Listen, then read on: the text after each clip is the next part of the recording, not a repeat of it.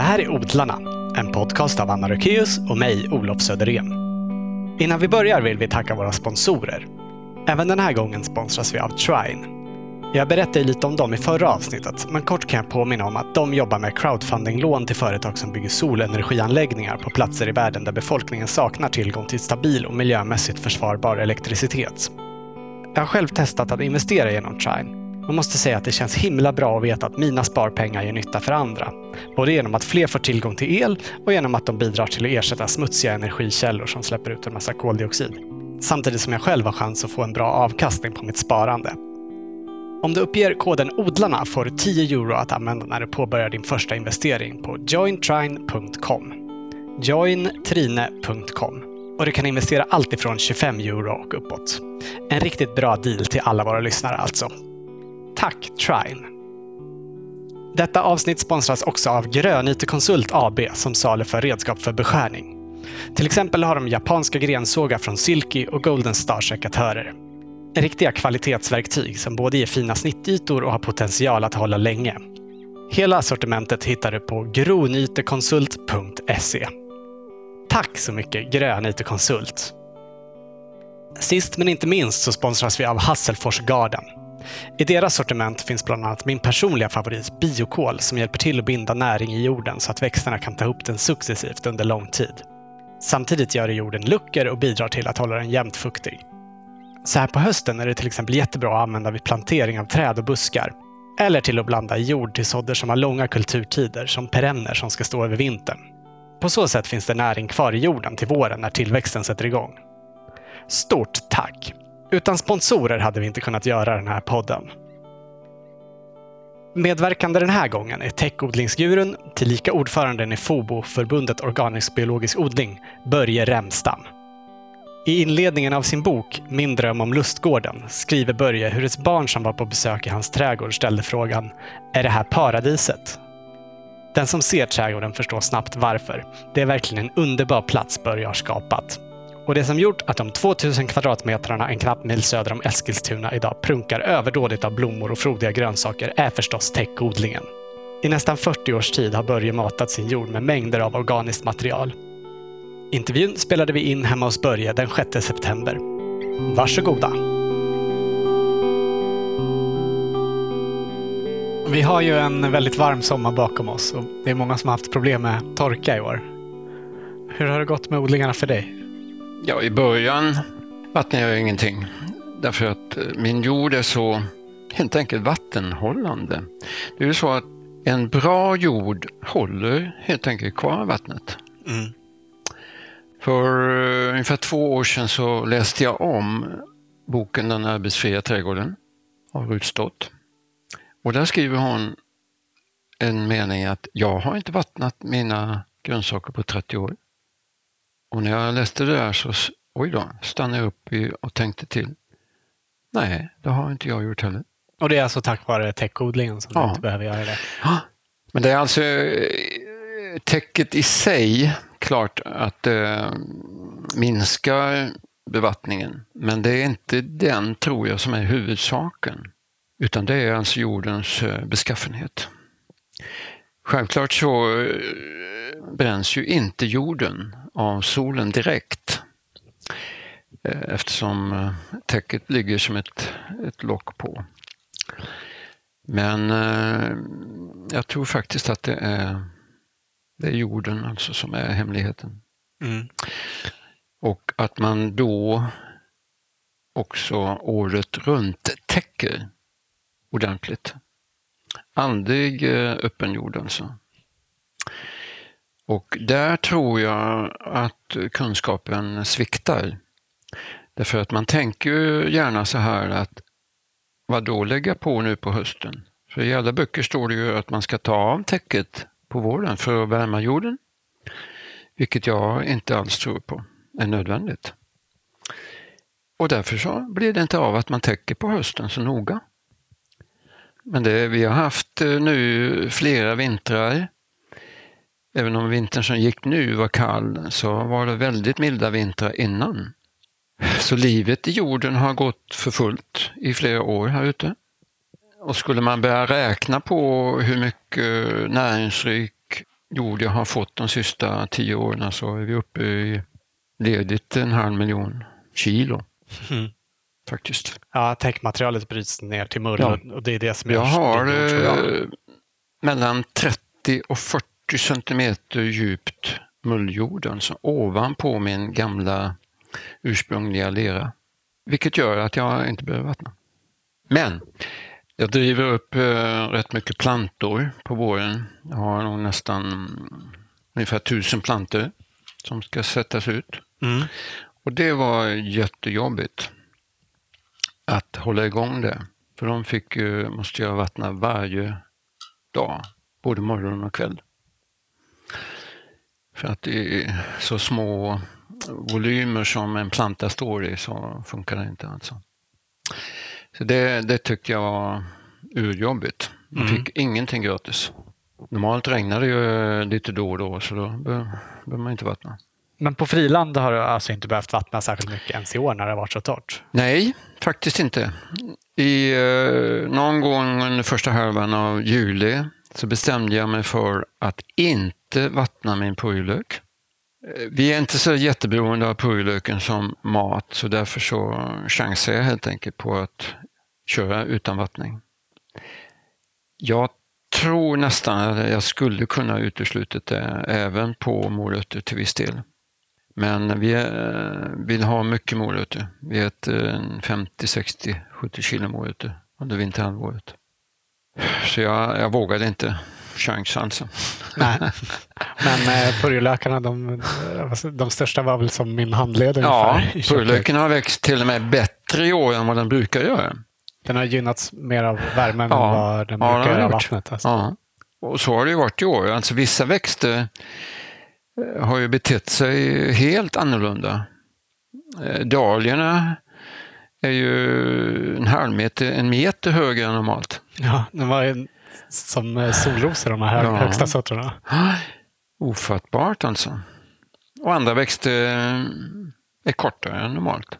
Det måste vara de som inte, som inte gynnas lika mycket av värmen. Då. Ja, om det är värmen eller eh, brist på vatten, det vet jag inte. Nej. Det kan vara både och. Men alltså, jag har inte odlat dahlior mer än i, jag tror det är tredje året. Mm. Jag är nere från eh, Tranemo i Västergötland. Och eh, min pappa odlade alltid dahlior. Och eh, det är ju betydligt tuffare klimat där nere än vad vi har här uppe. Jag tror att jag ute i min trädgård har odlingszon 2. Ja. Nere i Tranemo, den trakten, är det odlingszon 4. Men min pappa hade ändå dahlior och jag hör fortfarande i minnet när han säger på kvällarna, ah, nu måste jag ut och täcka dahliorna. Mm. Och jag var så trött på det där så att så fort vi tog över, eller jag tog över pappas dahlior så gav jag bort dem. Jag vill inte ha dem.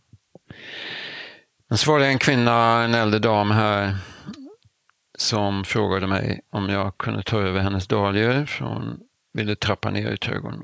Bara för att det var hon som frågade så sa jag ja. Så nu har jag dahlior. Men för att klara det här med hösten så driver jag dem på våren.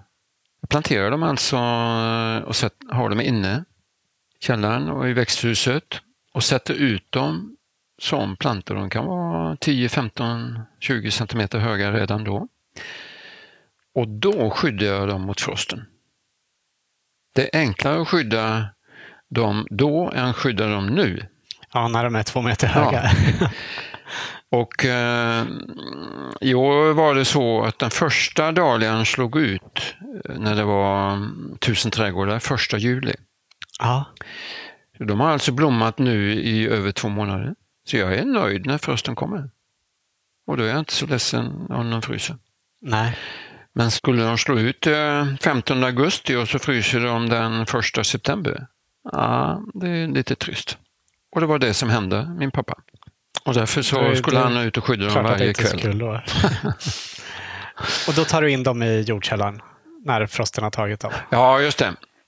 Och, och då gör jag så, jag gräver upp dem och det började jag göra förra året. Jag tar slangen och spolar dem helt rena från jord. Sen lägger jag in dem i pannrummet och där får de ligga ett par dagar och torka helt. Och sen lagar jag in dem. Du berättade här innan också att du vinterförvarar en del annat i eh, jordkällaren som man kanske inte brukar, brukar ta in och övervintra. Ja. Den växt som jag gör det främst med är uh, jätteverbena. Och då gräver jag helt enkelt upp de här plantorna eller bestånden och krukar dem med jord och ställer upp dem. Och ännu mer eh, förvånande tyckte jag var att du gör så med petunia också. och som du dessutom sticklingsförökar. Ja, det eh, kom lite överraskande. Det är en speciell sort för det första. Den heter Purple Vave och är en eh, F1-växt, hybrid alltså. Ja, så du kan inte samla frö och föröka den med? Och för övrigt är det ett jättedyrt frö. Kostar 30 kronor för 10 frön och de är jättesmå. Så det är till och med dyrare att köpa det här frön än jag skulle köpa samma vikt i guld. Ja. ja. Ja, men de växer rätt så fort när de väl kommer igång att växa och då ska man klippa av redan blommande skott. Och det tyckte jag var lite tråkigt. Ja, det är väl alltid tråkigt att klippa bort en ja. fin blomma. Så då sparar jag alla de här blommande stjälkarna, satte in dem i min vas och här stod de och fortsatte blomma. Men så småningom blev de tråkiga så då skulle jag slänga dem. Men då hade de rotat sig. Och då kunde jag inte slänga dem av det skälet. Så då planterade jag dem ute i krukor och där fick de stå resten av sommaren och blomma. Och sen på hösten satte jag in dem och de övervintrade och började växa i januari, februari och det började ta skott. Och eh, drev nog upp säkert cirka 100 plantor. Ja, förra året så gjorde jag på ett annat sätt. Då tog jag sticklingar eh, någon gång i augusti mm. och de tog sig bra. Satte in dem i källaren och de började växa redan i tidigt i år, januari. Och jag började plocka sticklingar. Men de ville inte rota sig. Nej. Jättekonstigt. Men då kompenserade de istället. Jag har inte fått eh, frö, alltså självsådder av den här petunian förut. Nej. Men i år har det blivit självsådder. Lite varstans. Ja, så det, det de var ju riktigt ovanligt. hyggliga. ja, roligt. Eh, vi ska ju återkomma till din eh, fantastiska trädgård här ute och till förstås till täckodlingen. Men jag tänkte vi ska backa lite till början. Minns du ditt första trädgårdsland? Ja, det minns jag mycket väl här ute. Vi kom alltså hit flyttande 73. Och då hade inte ålderdomshemmets gamla köksträdgård odlats på bra många år. Nej. Ni bor alltså i ett eh, nedlagt gammalt, gammalt ålderdomshem? Ja. Ålderdomshemmet övergavs 65 av kommunen och vi kom hit 73. Och under de vad blir det, åtta åren så hade det fått växa igen totalt. Och det växte hallon och kvickrot. Och det var en höjdare att få ordning på, det kan jag tala om. Mm. Men vi fick hjälp eh, första våren med, av en bonde som helt enkelt plöjde upp det på vanligt sätt. Mm. Och så petade vi ner potatisar eh, mellan de här jordblocken eller ogrästilterna. Ja. Så att ehm, då var vi en eh, fyra, fem man som systematiskt grävde igenom hela denna yta och den är ungefär 6 gånger 10 meter.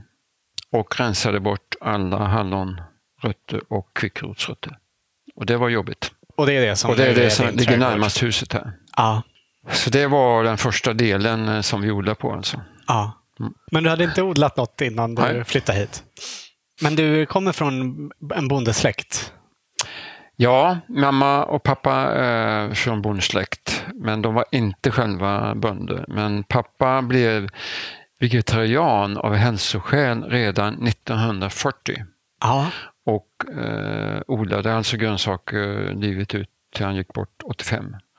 Ja. Och jag fick hjälpa honom att rensa ogräs förstås.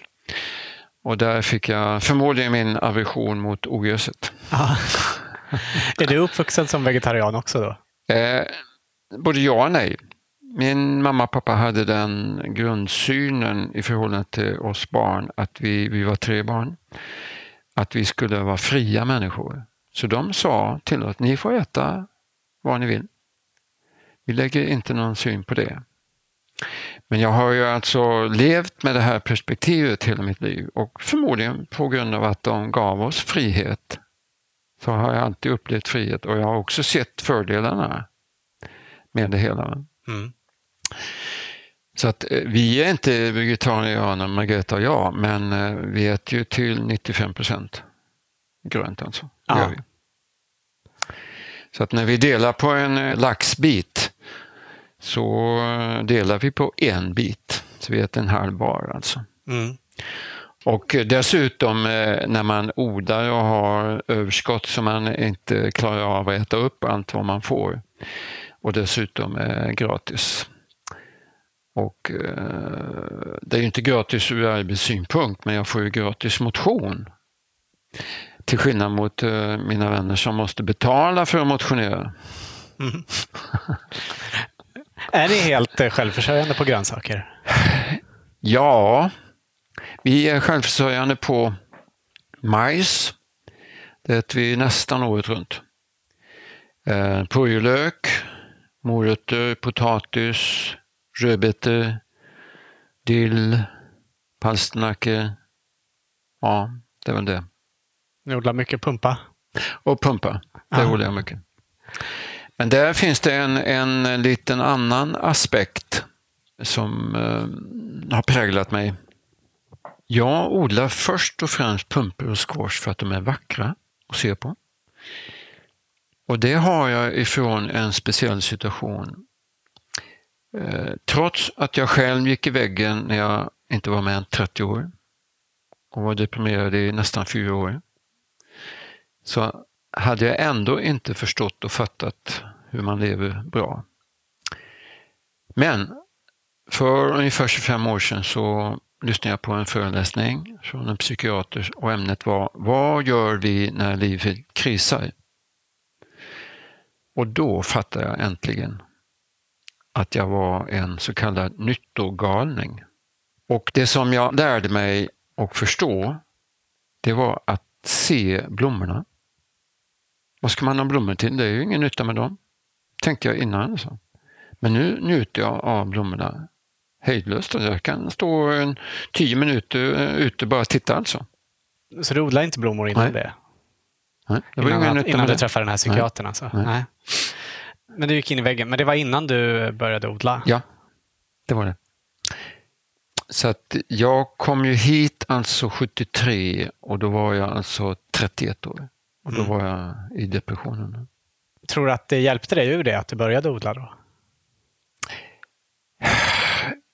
Enligt forskning så hjälper det ju. Mm. Jag kan inte säga om det påverkade mig personligt. Eh, det vet jag inte. Men det som kanske påverkar mig mest, om vi ska ta den aspekten, det var att jag gick alltså på en skola under tre år och den var för tuff för mig. Jag är inte så möblerad i huvudet så jag klarade det egentligen. Vad var det för utbildning då? En teologisk utbildning på tre år Aha. på rätt så hög nivå. Och eh, jag var inte funtad för det.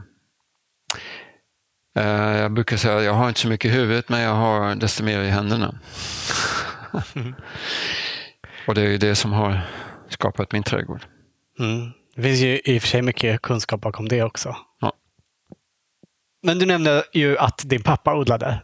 Jag måste ju förstås fråga om han eh, använde sig av täckodling? Nej, det hade han inte en aning om. Nej. Nej. Det är klart, du sa också att du rensade ogräs där. Men, men så det var först eh, när du flyttade hit som ditt eget odlingsintresse vaknade? Man kan väl säga så här, eftersom föreningen som jag jobbade i var en ideell förening, så jag hade alltså ingen lön. Nej, jobbade utan du berättade lön. innan här att ni flyttade hit som, ni som flyttade in det här då, det, ni jobbade alla tillsammans i en eh, förening eh, och bodde här som ett kristet kollektiv. Ja. Det som drev oss för, till detta det var att vi jobbade med kristen litteratur och ville sprida då, vi köpte alltså det som vi tyckte var bäst ifrån de kristna förlagen och så jobbade vi och spred och gav ut detta. Mm. Och när förlagen inte ville ge ut tillräckligt radikala böcker så eh, översatte vi och skrev dem själva. Ja. För att det skulle hända någonting som vi tyckte. Och ni som var med i, i föreningen och jobbade med det här, ni levde då tillsammans med en ja. helt eh, gemensam ekonomi? Och där hade vi gemensam ekonomi sen. Ja. Spännande sätt ja. att, att, leva på. Ja, det var spännande och eh, mycket intressant och bra. Delar ni liksom lika på allt eller tog alla det de behövde? Nej, vi hade eh, inga regler så att, eh, att vi styrde varandra. Nej, det hade vi inte. Nej. Utan vi, det vi fick in det la vi i vår burk. Som vi, vi hade en burk alltså där vi la pengarna vi fick in. Och så tog man där och gick ja. och handlade? Ja. ja det, är, det är spännande. Ja, det var det. Var det. Men det byggde ju på, givetvis, på att vi hade en gemensam stark eh, idé eller vision på det vi ville göra. Mm. Hade du själv en kristen bakgrund från uppväxten? Ja, det hade jag. Mina föräldrar, jag är, får se, det fjärde generationen på både mammas och pappas sida. Men eh, jag själv var väldigt haltande hela min tonårstid alltså. Jag gjorde en hel del eh, fuffens som jag inte ville klara upp. Men till slut så brast det helt enkelt för mig, om man använder uttrycket. Mm. Jag gick på ett, som man då kallade väckelsemöte på den tiden och jag visste att den där predikanten var en så kallad bänkfiskare. Vad är en bänkfiskare? Ja, han, eh, efter predikan så gick han helt enkelt ner i, i uh, kyrksalen och frågade personer. Och jag visste att han gjorde det, så jag lovade mig själv, om han kommer till mig så ska jag ge upp. Och det gjorde han. Han frågade mig om jag hade frid i mitt inre. Och jag svarade nej. Och det var på sätt och vis det som ledde dig hit då? Ja, kan man säga. För då, då blev mitt liv liksom helt som det inte hade varit innan. Alltså. Mm. Och till saken hör också, och det är kanske en rätt så viktig sak. Det här alltså hände ju mitten på 60-talet. Och inom, eh, alltså när jag gick folkhögskola så småningom, då var det 67-68. Det fanns också en 68-rörelse i den kristna världen. Mm. Och jag hamnade i denna. Lika radikalt som studentrevolt i Paris och Stockholm. Så revolterade vi mot, mot mycket i den kristna världen. Alltså. Ja, vad var de viktigaste frågorna som ni drev då? Ja, en utav, eh, man kan ju se idag hur, hur det står till och idag har det blommat ut. Jag lever för mig själv. Hur grannen har det, det är en ointressant fråga. Så ni jobbade mot eh, individualismen? Eller ja, man ska säga. kan man säga. Mm. Men om vi tar oss tillbaka hit då. Hur kom det sig att ni hamnade här? Ja, den här föreningen startade omkring ja, 65 och vi kom hit 73. Men innan dess så var vi mitt inne i Stockholm. Och att bedriva en postorderverksamhet med de hyrorna mitt inne i Stockholm, det var inte så särskilt smart. Nej, för ni sålde de här skrifterna så över att, postorder? Eh, vi hittade det här huset här ute i Eskilstuna. Ett gammalt ålderdomshem och det passade oss utmärkt. Mm, ett hus från eh, sent 1800-tal kanske? Ja, det är byggt 1897. Jättefint gammalt hus. Ja, det är ett härligt hus. Absolut.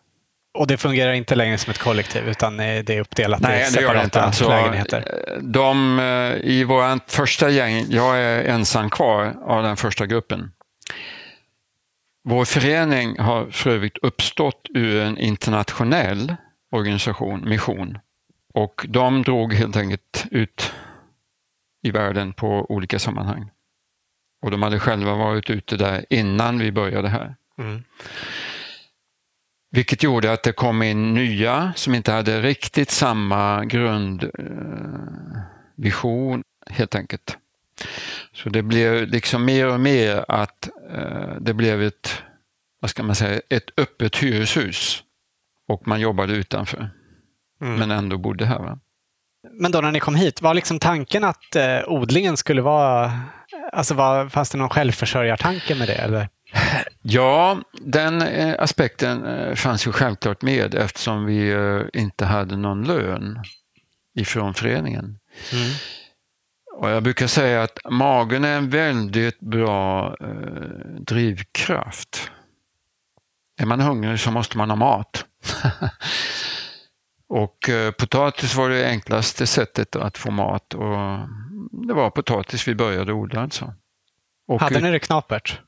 Uh, nej, jag trodde nog i min egen fantasi att det skulle bli vatten och bröd. Men det har det aldrig blivit. Nej, ja, vi har aldrig behövt vara hungriga. Nej. Min fru har varit undersköterska och jobbat och stått för vår försörjning helt enkelt. Ja. Och så var det ofta eh, en av personerna i äktenskapet eh, jobbade utanför och så en jobbade i, i föreningen. Då. Mm. Men var det liksom du som tog kommandot i odlandet? Nej, inte från första början. Eh, jag hade ju aldrig odlat själv mer än att jag hjälpt pappa att rensa rågräs. Men en av uh, karlarna här i huset, hans farbror hade handelsträdgård och han hade bott hos honom en del. Så då blev det ju förstås han som hade, tog ansvaret och fick ansvaret för trädgården. Ja. Men de, hans föräldrar hade varit missionärer i Indien och de drog vidare dit så småningom och då fick jag ta över det. Ja. Och så småningom blev det mer och mer mitt eget. Allt eftersom eh, ja, fler och fler jobbade utanför och hade egen ekonomi. Men jag var kvar i, i föreningen och hade fortfarande en, en mage som ville ha mat. Mm. är din fru också intresserad av odlandet? Eh, hon är väl intresserad men hon jobbar inte med mig ute. Vi hjälps åt med skörd, det gör vi. Mm. Hon lagar mat, för jag tycker inte om att laga mat. Så hon fixar den mat som vi äter. Häromdagen så satt jag och räknade hur många ingredienser som var på tallriken ifrån trädgården och det var faktiskt nio. Det är bra. Ja. Vi, vi har ju fått eh, gå runt här innan och se din fantastiska trädgård. Men eh, vill du beskriva den eh, för våra lyssnare? Ja, då är det ju så med oss människor att en del av oss vill ha raka kanter. Och en del du är inte en av dem. vill inte ha raka kanter. Och jag tillhör de som inte vill ha raka kanter. Det finns väl någon eh, kant som är helt rak här ute, men de, ja, det är några inte av grönsaksbäddarna var ganska raka. Ja. Utan jag vill ha att det händer saker och ting när man går omkring. Eller att man upplever saker och ting. Jag tycker inte alls om, vilket man ofta ser, pallkrageodlingar, fyra, fem, sex, sju, åtta, tio kragar som står på linje. Nej, så vill jag inte ha det. Nej. Eh, det är en odling, ja, och det växer säkert bra i kragarna, men eh, det är inget vackert tycker jag. Inget naturligt. Och jag vill ha det naturligt. Och jag tycker om när det är stort och grönt och frodigt. Det är verkligen så här eh, sling, vindlande gångar och indelat i flera olika rum också. Med ganska tydliga avgränsningar emellan med ja. Höga portaler och spaljéer som det slingrar grejer på. När det gäller att skapa rum, dels är ju humlen ett väldigt bra eh, hjälpmedel eftersom den är så oerhört frodig och stor.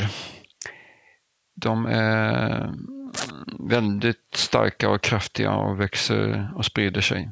Ja. Så de måste stängas in. Jag har en ask mitt i trädgården som nästan är täckt av humlor. Så att eh, det måste man vara försiktig med. Ja.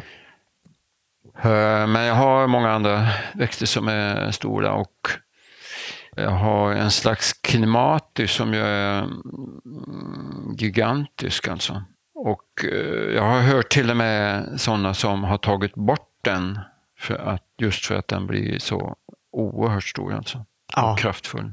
Men den blir väldigt frodigt och fint. Ja, så jag brukar säga till de som köper plantor av den sorten av mig att tänk till var du ska sätta den. För den kommer att bli jättestor. Ja. Är det Summer Snow?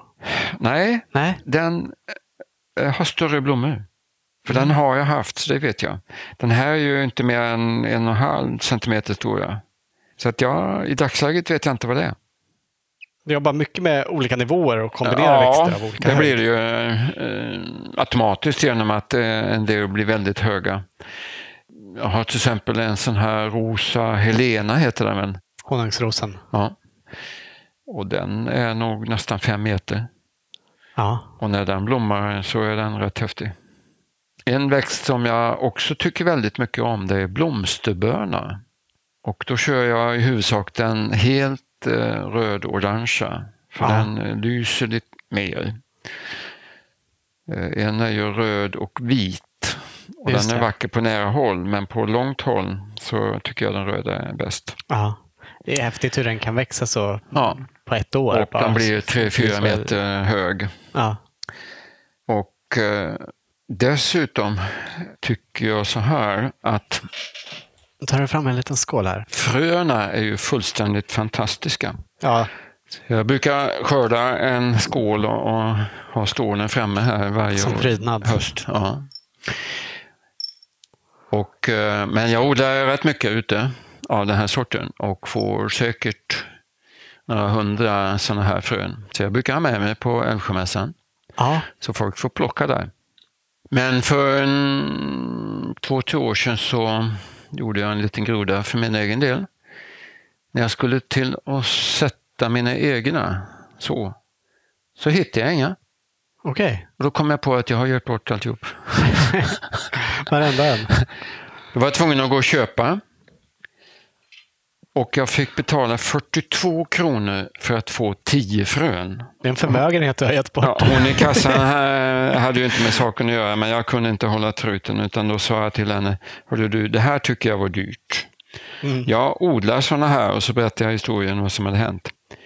Men, sa jag, la jag till på slutet, jag har väl förstört marknaden för Impecta så de är tvungna att ta 42 kronor. Ja. Det- är väldigt mycket färg i trädgården. Ja, Och väldigt blandning av olika färger Ja, det är det blir det. rätt Och, eh, spektakulärt. Så. jag har ingen som helst eh, plan på när det gäller färggrejer alltså. Nej, Jag känner ett par som har en helt vit trädgård. Ja, det är säkert vackert. Ifrågasätter inte det. Men jag har inga sådana är det säkert, men det är något annat än det du har. Det får bli som det blir helt Ja. enkelt. Och eh, jag köper nästan aldrig växter. Utan det jag har, det har jag fått. Faktiskt, eller bytt mig till. Ja, det är ju så himla roligt med odling Ja. så att man kan byta Ja. och få varandra och Ja. dela med sig. Och som sagt var, jag har lärt mig att tycka om blommor. Ja. Du blandar ju ganska mycket blommor med eh, ätbara växter också. Ja, just det. Och det kanske är speciellt hos mig. Och där har jag en eh, teori varför det har blivit som det har blivit. Eller varit som det har varit. Eh, min pappa alltså odlade när det var krig. Ja. Och han fortsatte att odla. Vilket betydde att 1955 så tyckte folk att han var knäpp. Han visade för sin omgivning att han inte hade tagit sig ur den svaga situationen att jag var tvungen att odla min egen mat. Mm. Men många hade lärt sig att tycka om grönsaker och de ville ha det i fortsättningen. Och då placerar man grönsaksodlingen längst bort på tomten så att folk inte skulle se. Framme vid huset var det blommor. Mm. Nu har det gått så lång tid så att nu har man glömt bort detta. Så nu har man köksträdgården närmast huset. Men det har man inte haft under 50, 60, 70, 80-talet. Det har ju också verkligen, eh, vad som verkligen är att visa upp köksväxter, det är ju de här portalerna du har där du har eh, squash och pumpor som slingrar på.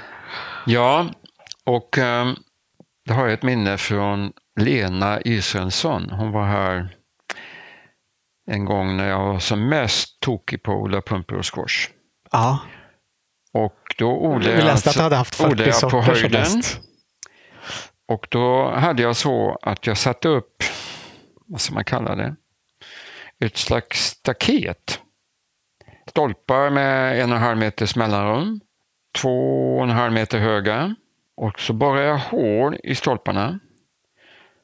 Och så köpte jag ett snörnystan på Odal.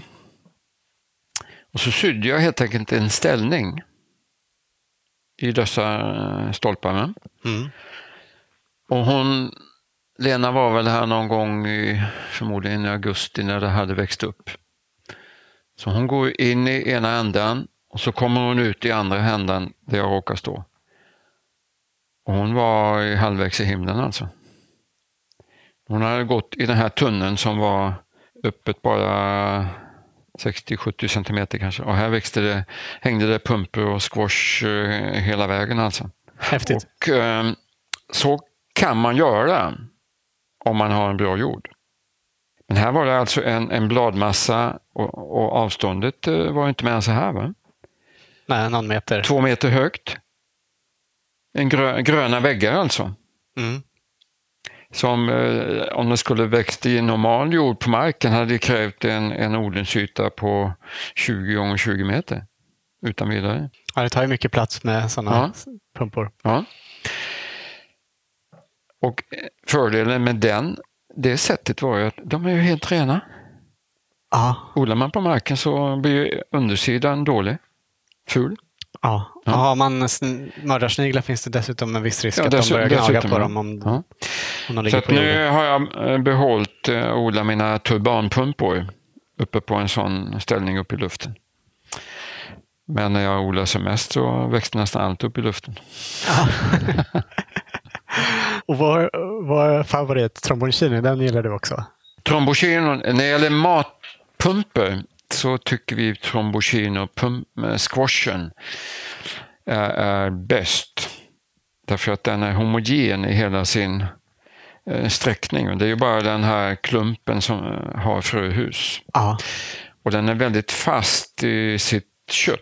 ja, även när den blir ganska stor så Ja. fortsätter den Ja. vara fast och. Så att det är bara att skära i skivor och lägga direkt i stekpanna eller vad man vill göra. Det blir så perfekta runda skivor också Ja. eftersom den är lika Ja. tjock hela vägen. Den är toppen alltså, Mm. faktiskt. Något annat som gör din trädgård väldigt fin det är att du samlar ganska stora grupper av samma växt på ett ställe. Ja. Det, det är väldigt eh, stark Eh, effekt. Och det har jag med mig ifrån Enköping. Ja, Om man går och tittar i Enköpings blomsterprakt så har de just det stuket. De har alltså flera kvadratmeter av samma växt tillsammans. Och när jag fick se det för en tiotal år sedan så bestämde jag för att så ska jag ha det hemma hos mig. Så det är deras eh, uppfinning faktiskt. Och det, ja, det är effektfullt alltså. ja det är faktiskt. Och har man en stor trädgård då kan man göra så. Mm. Det är svårare på en liten Ja. man använder en Ja. liten Då har man inte råd att, att sätta på det sättet. Nej. Nej. På en skylt i din trädgård så står det att eh, du grävde för sista gången för 38 år sedan. Ja. Så att eh, sista gången jag grävde min jord var alltså hösten 79. Ja. Och det var också sista gången som jag hämtade gödseln på en gård. Så sommaren 80 var alltså första sommaren som jag täckodlade. Och täckodlingen eh, från början berodde nog på att jag nappade på det.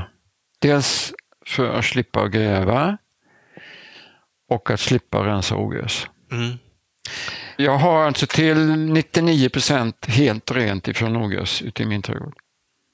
Mm. Jag kryper aldrig ner på knä och rensar.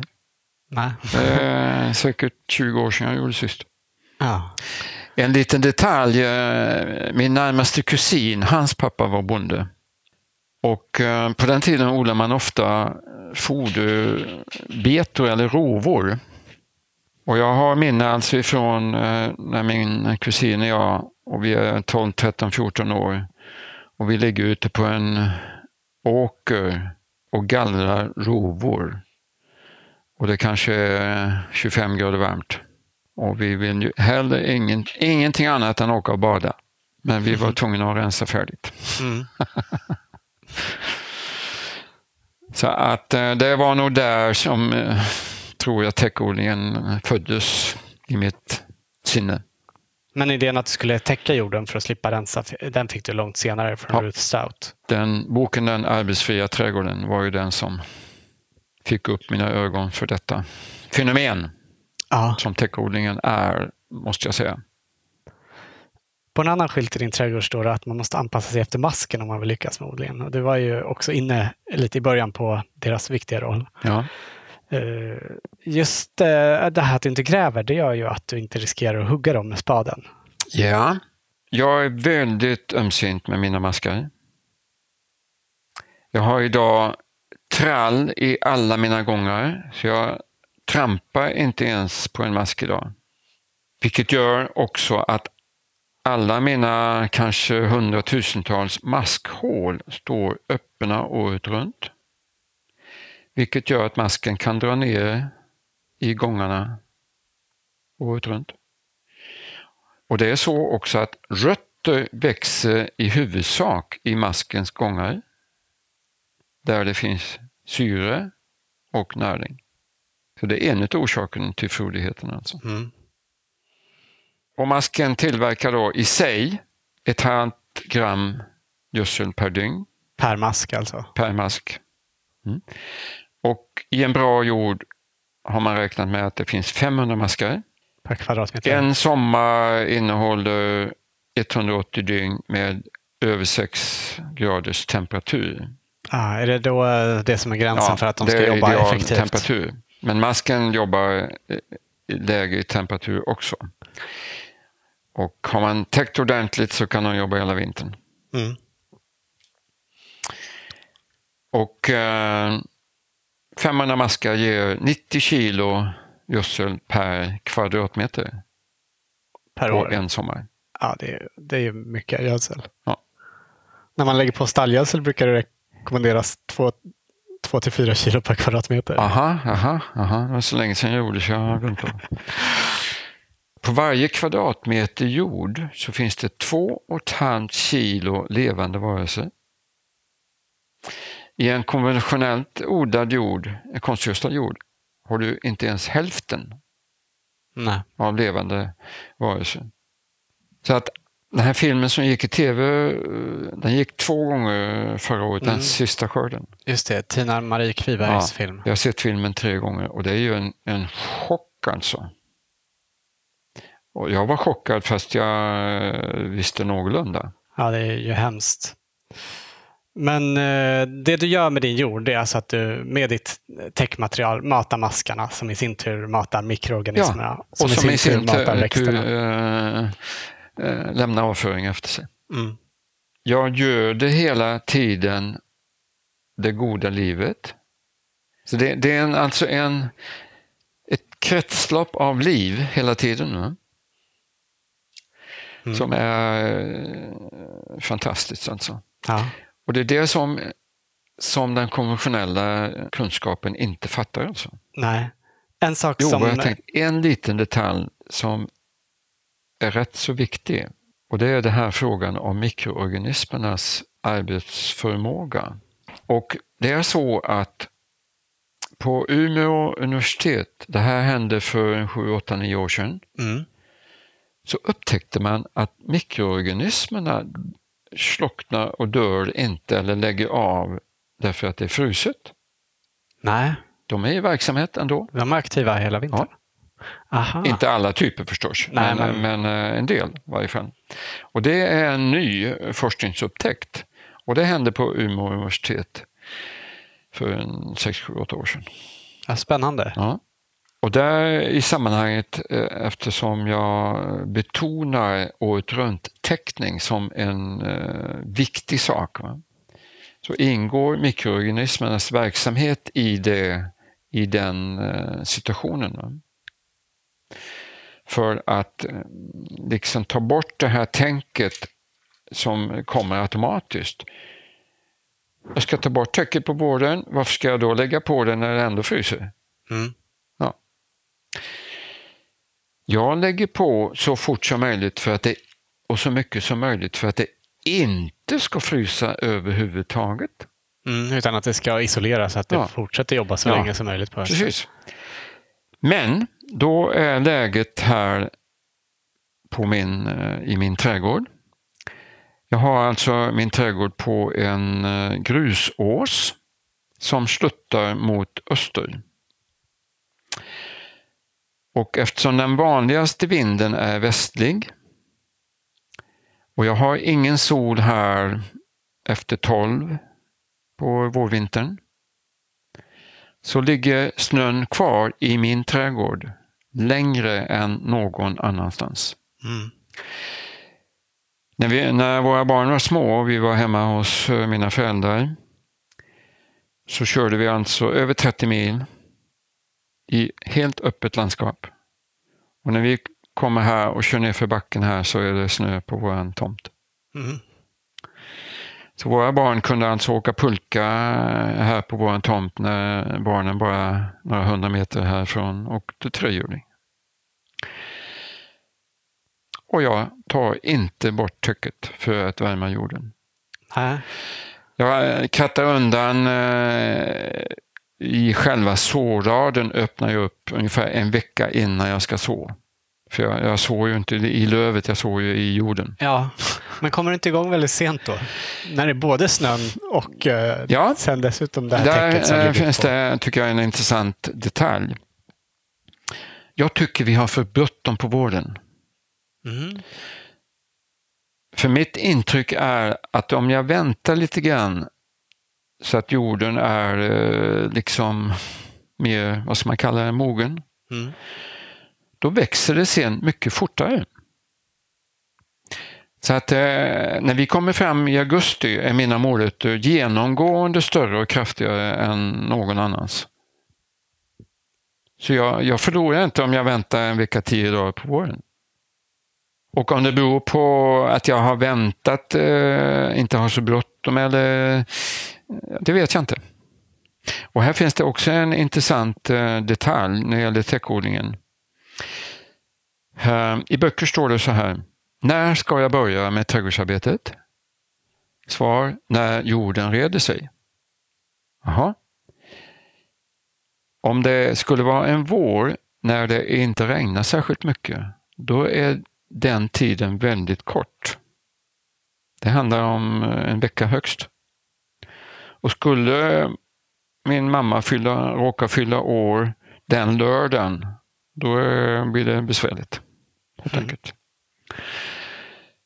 Men täckodlar man så kan jag komma den första maj, jag kan komma den första juni och jorden är alltid i bra skick när jag öppnar upp.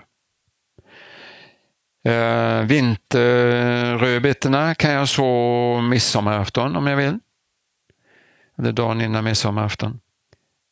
Och jag tar undan täcket och det som att det skulle vara första maj. Jag, kan alltså, jag bestämmer själv när jag ska jobba. Mm. Jag behöver inte känna någon stress eh, som man annars eh, faktiskt tvingas till. Ja, det låter ju bekvämt. Ja. En annan sak som är också intressant och det är att jorden är så fruktbar. Jag kan plantera allting mycket, mycket tätare än andra kan göra. Ja, du visade dina rödbetor här ja. ute som växer väldigt ja. tätt. Och den, den eh, genomgående regeln är den att så, om jag ska anlägga en, en trädgård, så om en växt är en halv meter så ska nästa växt stå en halv meter ifrån. Aha, då blir det ju en halv meter tomt. Och eh, jag har bara gjort så att om jag har haft en tom yta så har jag planterat. Även om växten som står där är en meter hög. Därför att jag visste inte att man eh, ska göra så. Nej. Och tack vare täckodlingen så har det räddat mig ifrån min okunnighet alltså. Ja, det har gått eh, tack vare att eh, jorden är så lucker och näringsrik. Ja. Du har ju en ganska stor trädgård, omkring 2000 kvadrat, Ja. men nästan allt är uppodlat. Du har egentligen bara gräsmatta på vissa gångar. Ja. Hur får du tag i tillräckligt med täckmaterial? ja. Jag bor oförskämt eh, gynnsamt. Min närmaste granne är Svenska kyrkan och vi har lite samarbete. Så jag får så mycket löv som jag kan drömma om. Vilken lyx! Plus att de har goda eh, vattenomständigheter här. Så de vattnar, även denna sommaren har de vattnat hela kyrkogården Ah.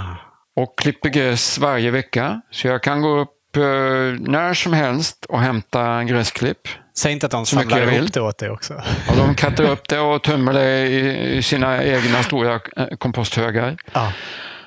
Och jag får så mycket som jag kan drömma om.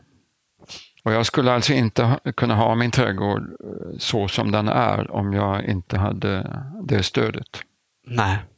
Jag har eh, två stora tomter i ett grannsamhälle där jag har fått eh, sex fulla bilsläp varje år nu i säkert 15 år. Men i höstas så var det en av dem som sa ah, vi ska göra jorden vårt löv nu. Ja, de hade fattat nu. De har fattat nu äntligen. Men eh, som sagt var, jag är oerhört gynnad här. De samlar ju upp allt gräs och allt löv i en stor, som man kallar det, jättestor dammsugare. Ja. Härligt. En sak som många oroar sig för när det gäller eh, täckodling det är att det skulle vara gynnsamt för sniglarna. Framförallt kanske mördarsniglarna. Då. Ja, jag tror inte ett dugg på vad som står i de flesta böcker när det gäller täckodling och sniglar. Eh, om det vore sant, och nu pratar jag om åkersniglar. Om det vore sant så skulle jag ha miljoner sniglar här ute Ja, har du inte efter 38 år. I år har jag, jag tror jag sett en eller två åkersniglar. Mm. Andra sommar kan det vara massor. Så det beror inte på täckodlingen utan det är andra faktorer som spelar in. Och riktigt vad, det vet jag inte vad det är. Men jag vet att mellan, i runda slängar mellan 90 och 95 var det mycket sniglar. Så mycket så att jag blev eh, frustrerad. Och då tänkte jag så här. En snigel kryper inte på en yta som är torr. Alltså ska det bli torrt över mina persiljeplantor och purjolöken som de plågade. Ja, och då gjorde jag ett tak helt enkelt. 30 centimeter breda utav korrigerad plast och så rörde de inte plantorna. Nej, för att det var för torrt där. Ja. Men eh, gick det bra med plantorna ändå? Ja, Alltså, eftersom jag har den jord jag har fuktigt. så var det inga problem. Nej. Sen gick det till ungefär 05. Då kommer det åter en period på några år med massor med sniglar. Men då hade jag upptäckt en ny grej. En vår när jag skulle göra i ordning en rad så hittade jag en fruktansvärt äcklig, slemmig klump som var nästan 10 centimeter lång och 3, 4, 5 centimeter tjock. Men hade jag räknat sniglarna så hade jag nog hamnat på mellan 100 och 200 stycken. Och de har samlat sig i en... Ja, en de hade samlat sig där. Och först fattade jag inte ett skvatt innan jag började tänka och kom på att aha, här hade jag morötter förra året. Förmodligen hade en stor morot som hade spruckit och jag lät den ligga kvar som jag låter all blast och allt sånt vara kvar på stället. Och då tänkte jag, jag gillar sniglar morötter. Så jag gick upp till jordkällaren, det var på våren och vi hade fortfarande potatis och palsternacka och rotfrukter kvar.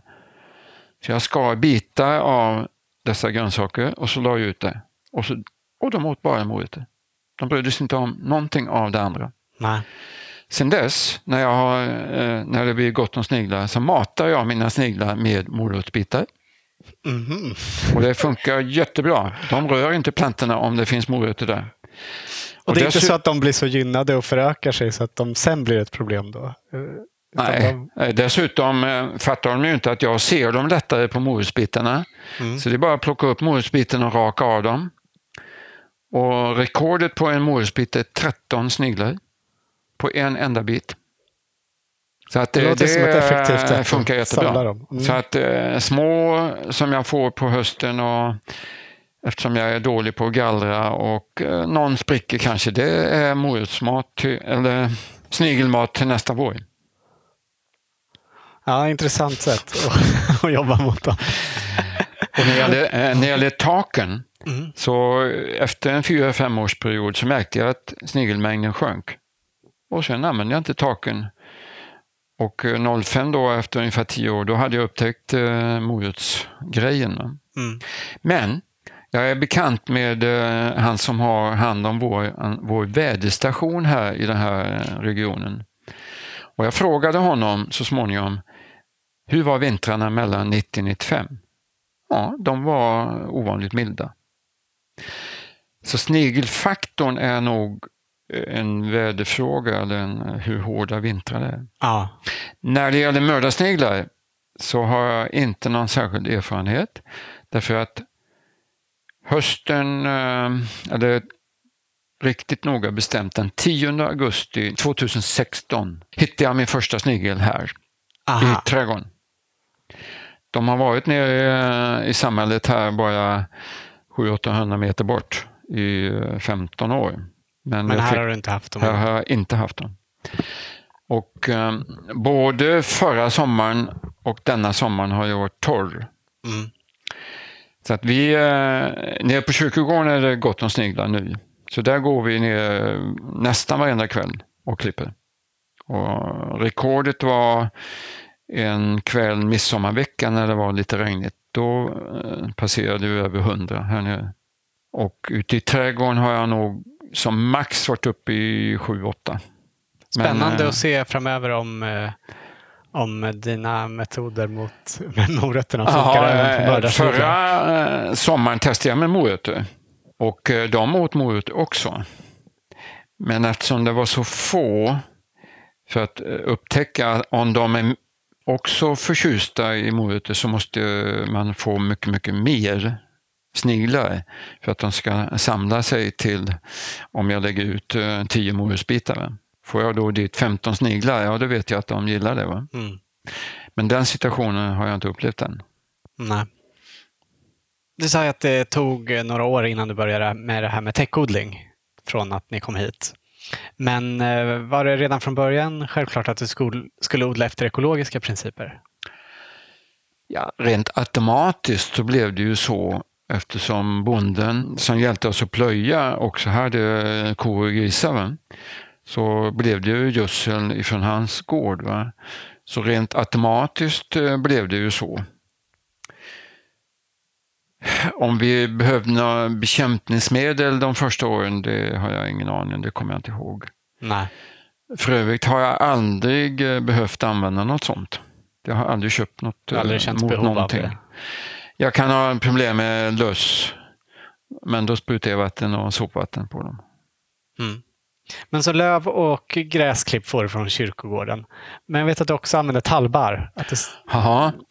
Eh, på mina, mina gångar använder jag alltså tallbar, eh, sågespån. Eh, jag använder stubbfräst material som är ett eh, väldigt fint material. Man får ibland plocka in lite stenar och lite större träbitar men eh, det är ett bra material. Men eh, mitt huvudsakliga är tallbar och där krattar jag helt enkelt när några asfalterade mindre vägar i området här på hösten. Och det är härligt att gå på. ja. Och så gör du eget biokol också och använder i, eh, Ja. i jorden. Första gången jag läste om biokol, och det är nu nio år sedan jag läste om det. Eh, början på 70-talet när vi västerlänningar vill ha lite mer hamburgare än vad vi ätit innan, så började vi hugga ner djunglerna i Brasilien. Mm. Och helt plötsligt så hittar man alltså stora områden som har svart jord. Och i tropiskt klimat så finns det inte svart jord. Och man blev ju oerhört förvånad. Men det krävdes inte mycket koll för att förstå vad det handlade om. Därför att det fanns massa kol i jorden, träkol. Och när man undersöker det här lite grundligare så upptäcker man att kolet är 5 till 6 000 år gammalt. För det är ju så att kolet är ju alltså arkeologernas främsta tidsbestämningsfaktor. Så det var ju inget konstigt med det. De första européerna som fick se dessa odlingar hände i början på 1500-talet. Och de trodde inte sina ögon. För det växte på ett sätt som de aldrig hade skådat. Och de berättade detta när de återvände till Europa. Och blev inte trodda, för att så kan det inte vara. Nej. Sen gick det ungefär 75 år till nästa grupp kommer in i Amazonas. Och då fanns det ingenting. Och här kom nu beviset på att det första gänget hade hittat på alltihop. Men då hade inträffat en oerhörd tragedi. Den första gruppen lämnade våra så kallade barnsjukdomar. Mm. Och befolkningen här hade ingen resistens. Nej. Så hela kulturen dog. Och de som klarade livet, de flydde väl därifrån för livet. Och eftersom det inte finns sten som vi har här, allt var byggt av trä, så var allt borta. Men det hade ändå uppstått en myt, som det kallas. Och den myten levde kvar ända in i vår tid. Så när man upptäckte detta på 70-talet, då kom man ihåg den här myten. Och här kom då beviset på att det första gänget hade haft rätt. Mm. Det som händer det är ju att när man tillför kol till jorden så blir jorden luckor. Men, eh, och då tänkte jag så här. Vi eldar då i en jättestor panna i vårt nästan 500 kvadrat stora hus. Jag ska göra kol och sälja till de som inte kan göra kol själva. Och jag har gjort nästan en kubik kol i nio, ja, åtta års tid.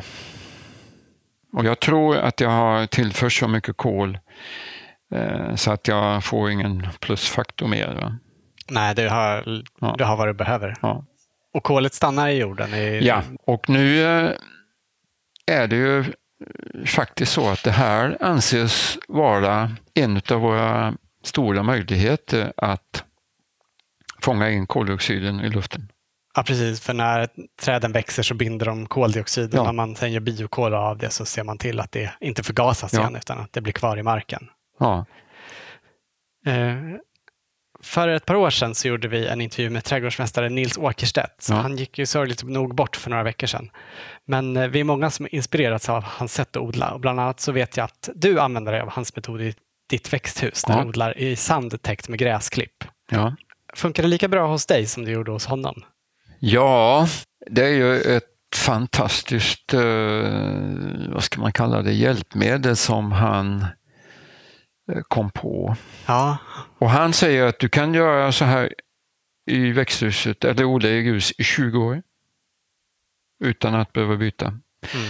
Och det svåra med jord i växthus är ju att förr fick man ju byta jord var tredje år. Mm, för att slippa sjukdomar Ja. och sånt där. Växtsjukdomar. Och i kommersiella sammanhang eh, i handelsträdgårdar förr så fick man ju sterilisera jorden. Det var ju ett oerhört projekt alltså. Mm. Med de möjligheter som man hade på den tiden. Både ett stort jobb och Ja. eh, väldigt energikrävande. Ja. Jag kan ju alltså odla i, jag har bara 12 kvadrat, jag borde, jag skulle önska jag hade ta dub, dubbelt minst. Men jag har 12 kvadrat och jag odlar på varenda kvadratcentimeter. Just nu har du enorma mängder tomater där. Ja, eh, nu är det ju här i september och tomatskörden i år har ju varit sanslös. Så nu tycker jag det är dåligt där ute. Vi har alltså eh, dessutom i år har jag odlat två typer av bifftomater. Ja. Men eh, nu under nästan 15-20 år har jag bara odlat körsbärstomater. Och skördat eh, ungefär eh, uppåt 4 000 körsbärstomater varje år. Mm. I år eh, har jag nog inte kommit upp mer än i 3 000. Oj, aha. så du tycker det var lite sämre i år? Alltså. Ja, i, i antal. Och även eh, just nu är det sämre än vad det brukar vara. Mm. Kom det tidigare än vanligt också? Ja. Och jag har en kamin så jag kan elda. Så när det blir risk för frost så eldar jag där ute. Så jag tar inte in tomaterna innan ja, mitten på oktober.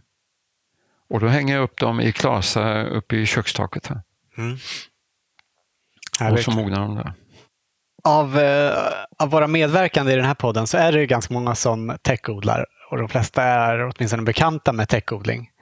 Men till exempel på det koloniområde där vi odlar så är det inte lika vanligt och då, det är många som tycker att vi odlar på ett ganska udda sätt. Är det många genom åren som har varit skeptiska mot ditt sätt att odla? Det kan man väl säga att de flesta har varit. Oh ja. Eftersom det berör trädgård och vi odlar över hela världen så kan man ju ändå säga att det är en stor fråga. Och en stor fråga tar minst 40 år för att bli sanning och allmänt accepterad. Så att, och där är vi nu. I de sista fyra, fem åren har jag kunnat annonsera när jag annonserar mig på Älvsjömässan. Täckodling, hur gör man det? Men det har jag inte kunnat göra innan. Jag har haft alla möjliga konstiga namn, men jag har pratat Ja, du täckodling var tvungen att hela dölja tiden. vad det handlade om för, Ja. för att folk skulle Ja. komma och lyssna. Ja. Ja. Så det är intressant faktiskt. Men det är konstigt när folk har sett, alltså din trädgård är ju en av de frodigaste som jag har sett i alla fall. Folk borde ju liksom fatta när de kommer hit att det är bara att gå hem och sätta igång. Ja då, det är ju många som gör. Eh, Det är det. Eh, Jag hade en liten kul grej här förra sommaren, eller vid den här tiden. Eh, De var här ifrån kommunen. De Mm. bedriver en odling här, stadsodling. Och jag var bekant med de som jobbade där och hade ansvaret. Ja. Och de två, och de tog med sig stans parkarbetare och var på besök här. Och eh, några veckor efter de hade varit här så får jag höra att de ska börja täckodla. Mm. Men de använde biokol, Mm. det gjorde de innan. Men de täckodlade inte. Nej. Nej, biokol verkar vara, Mm. ha fått eh, ganska stor spridning Ja. just i, när det Ja. gäller parker och sånt där. Ja. Är det någonting mer som du skulle vilja att vi pratar om?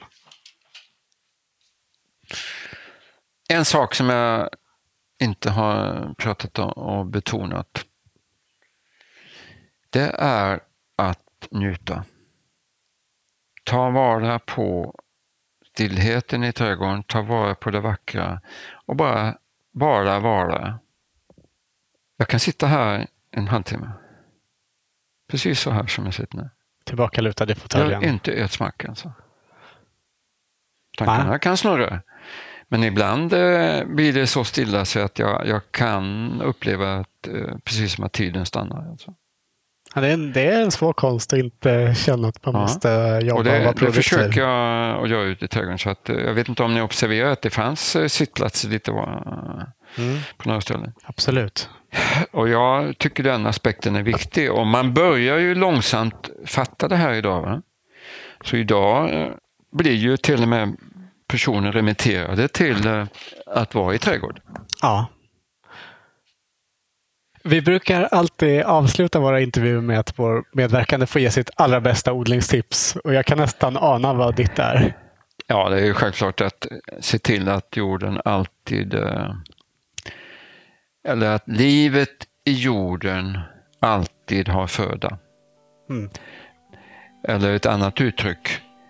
Jag odlar jord och så har jag växterna som en bonus. Bra tips. Du, tack så jättemycket för att du tog dig tid för att vi fick komma och träffa dig. Tack ska ni ha.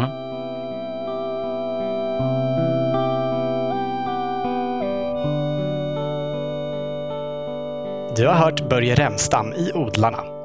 Vi förstår om ni är många som blir nyfikna på hur det egentligen ser ut i hans trädgård. Därför har vi lagt upp massor av bilder därifrån på Odlarnas Facebook-sida. Börjes bok Min dröm om lustgården finns att beställa på hans hemsida remstam.se. Och mer information om Fobo, där Börje alltså är ordförande, finns på fobo.se. Apropå det så har vi tidigare gjort en intervju med Karin Jansson som redaktör för Fobos tidning Odlaren. Henne hör du i avsnitt 52 och Nils Åkerstedt kan man höra i avsnitt 31. Filmen Den sista skörden som Börje pratade om finns just nu när det här avsnittet kommer ut fortfarande tillgänglig på SVT Play i två veckor framöver. Så skynda dig att se den om du inte redan gjort det. Stort tack för att du lyssnat och tack än en gång till våra sponsorer som möjliggör den här podden. Hasselfors Garden, Grönlite Konsult och Trine. Producent för odlarna är Anna Rökeus. Jag heter Olof Söderén. Vill du följa oss kan du göra det på vår blogg Spenat i stan eller på vårt Instagramkonto med samma namn. Och vi vill också påminna om vår bok. Även den heter Spenat i stan. Ha det bra! Hej då!